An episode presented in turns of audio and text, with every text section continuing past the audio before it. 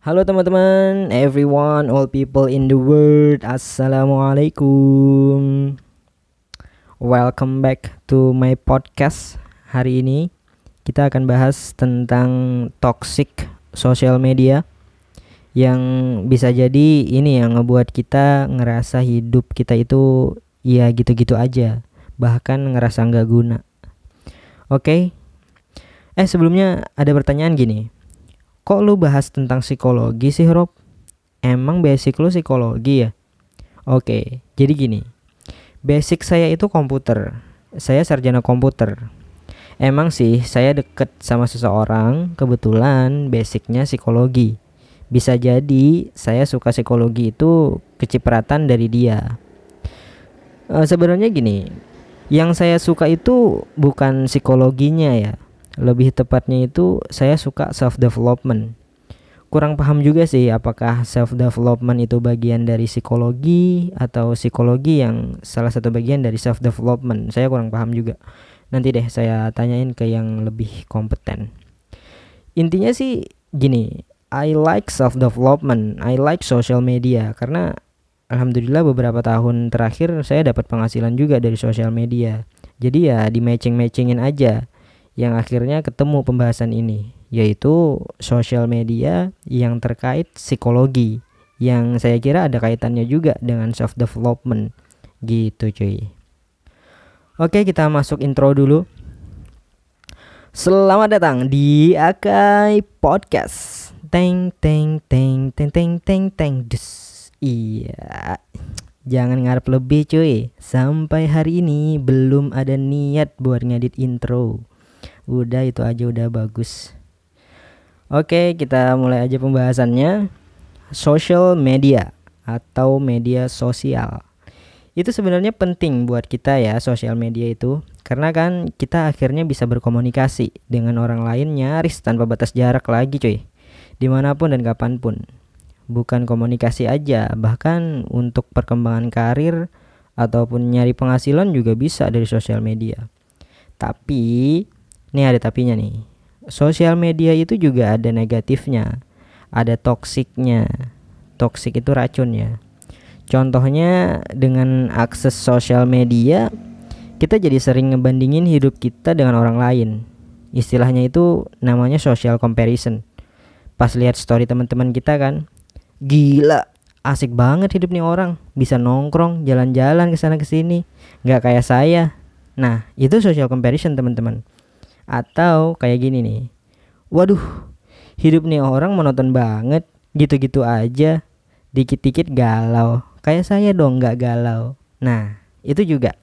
Jadi social comparison itu nggak hanya posisi kita di bawah ya saat ngebandingin posisi kita merasa lebih juga social comparison cuy. Nah, kemudian kenapa ngebandingin itu jadi hal buruk, jadi hal toksik?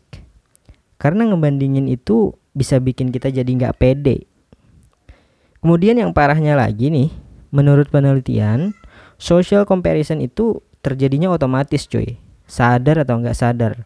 Jadi akhirnya kita rentan merasa iri, merasa bersalah, dan jadi penuh penyesalan.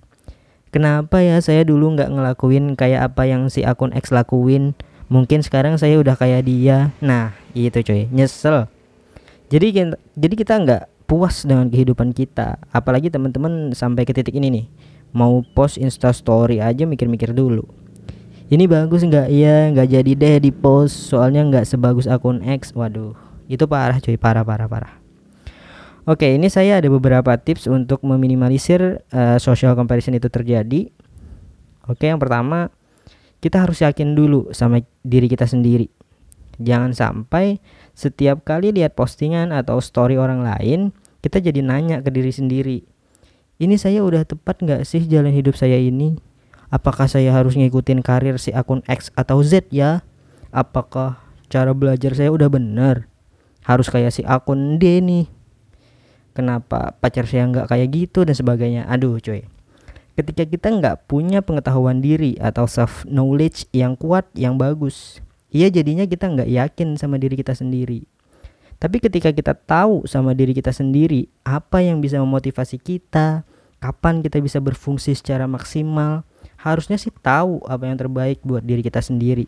Walaupun belum ke titik seideal yang kita mau. Setidaknya kita tahu kan kita mau ke mana. Ya enggak sih? Iya dong. Masa enggak iya? Kemudian yang kedua kenalin mood kita cuy kalau kita lagi down nggak mood dikurang-kurangin dah main sosial media. Atau kalau bisa nggak usah deh mending. Ketika kita lagi nggak mood lagi sedih lagi down pikiran kita jadi negatif. Ngebandingin diri kita dengan orang lain malah tambah down. Karena yang kita tangkap cuma yang negatifnya aja. Negatif tentang diri kita. Oh saya kurang kurus saya kurang ini saya belum sampai ke titik itu kayaknya masih lama deh baru bisa kayak gitu dan sebagainya. Jangan jadi gitu cuy. Jangan jangan jangan. Kemudian yang ketiga kita harus aware juga bahwa sosial media itu cuman cover doang. Cuman panggung belaka. Jadi orang-orang akan menampilkan sisi terbaik mereka, sisi yang paling kece, sisi yang paling hype, aksesoris yang paling mahal, baju yang paling bagus dan sebagainya. Apakah hidup mereka sepenuhnya kayak gitu? Enggak, cuy. Tuh, engnya panjang tuh. Kita tahu setiap manusia punya sisi yang lain. Sisi yang boleh dikatakan nggak bakalan lah diupload ke sosial media. Kita juga punya kan sisi yang kayak gitu. Ya jadi sadari aja memang sosial media itu buat ajang menampakkan diri kita ke dunia. Ya wajar aja kita mau kelihatan bagus di internet. Terus yang terakhir nih, yang keempat. Buat uh, teman-teman harus ingat nih bahwa setiap orang itu punya waktu mereka masing-masing. Jadi fokus aja untuk ngembangin diri kita sendiri. Fokus ke diri orang lain itu buang-buang waktu cuy malah kita tambah ketinggalan. Terus ngebandingin diri kita dengan orang lain itu sebenarnya nggak adil banget. Karena kan hidup kita beda. Kita dilahirin dan dibesarin di lingkungan yang beda. Kesempatan yang kita dapat juga beda-beda cuy. Tapi kan dia makan nasi juga. Ye, emang kali nasi bisa bikin karakter seseorang. Jadi yang paling adil itu kita ngebandingin diri kita sama diri kita sendiri. Itu yang paling adil. Kita lihat bulan ini, kita lebih rajin nggak dari bulan kemarin? Kita lebih ini nggak dari bulan kemarin? Kalau ada lebihnya, artinya kita punya progres terhadap hidup kita. Gitu cuy. Ini memang jadi PR kita bersama ya untuk hidup yang lebih bagus lagi. Terus uh, kemudian ini ada bonus trik nih. Tadi kan tips ini saya beri trik buat meminimalisir social comparison itu terjadi.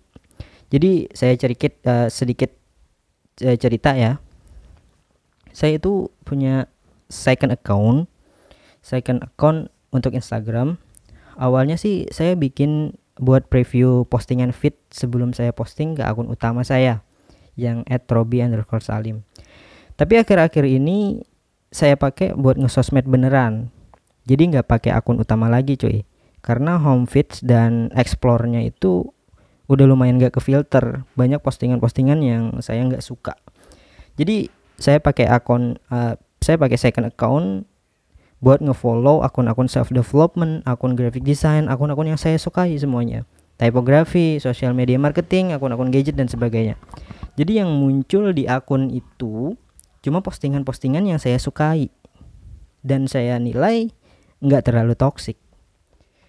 Jadi kalau teman-teman lihat ada akun saya di view story teman-teman, jangan terlalu berharap lah kalau itu beneran saya lihat. Biasanya cuman saya tap-tap doang, skip-skip swipe-swipe ya biar ada interaksi aja lah antar akun. Biar nanti kalau saya post Insta story yang lihat lumayan banyak gitu. Saya bongkar nih kebiasaan saya main IG. Terus kalau feed teman-teman ada yang saya like, itu alhamdulillah banget karena saya jarang nge-like foto orang. Karena balik lagi, saya main IG itu di second account yang followernya cuma ada tiga di privat lagi. Nah, dengan cara itu saya bisa meminimalisir terjadinya social comparison. Yang saya lihat kan cuman story design, typography, terus postingan-postingan uh, self development, motivasi, teknik social media marketing dan sebagainya. Jadi nggak ada akun-akun perseorangan yang menampilkan kehidupan mereka gitu cuy oke sampai sini saja uh, sharing kita kali ini.